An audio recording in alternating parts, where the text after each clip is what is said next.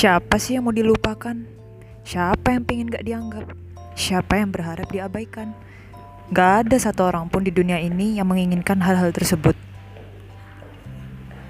Namun kenyataannya semua itu bisa saja terjadi dan penyebabnya justru dari diri kita sendiri. Kamu yang dianggap angin lalu, kamu yang diejek dan direndahkan, kamu yang tak dimengerti, dan akhirnya kamu yang wujudnya ada tapi tak dianggap ada. Sakit ya? Rasanya hidup ini gak adil dan gak berpihak sama sekali ke kita. Tapi coba deh kita bercermin. Coba deh telusuri lagi apa penyebabnya. Coba kita diam sejenak, pikirkan apa yang kamu lakukan hingga mereka memutuskan menjauh dan tak menghiraukanmu. Kalau ternyata tetap belum kamu temukan jawabannya, di sini akan dibeberkan rahasianya. Beneran, cuma buat kamu. Rahasia agar kamu tetap bisa enjoy jalani hari yang penuh kejutan. Hari yang tak lagi ngedrama. Semuanya ada di sini.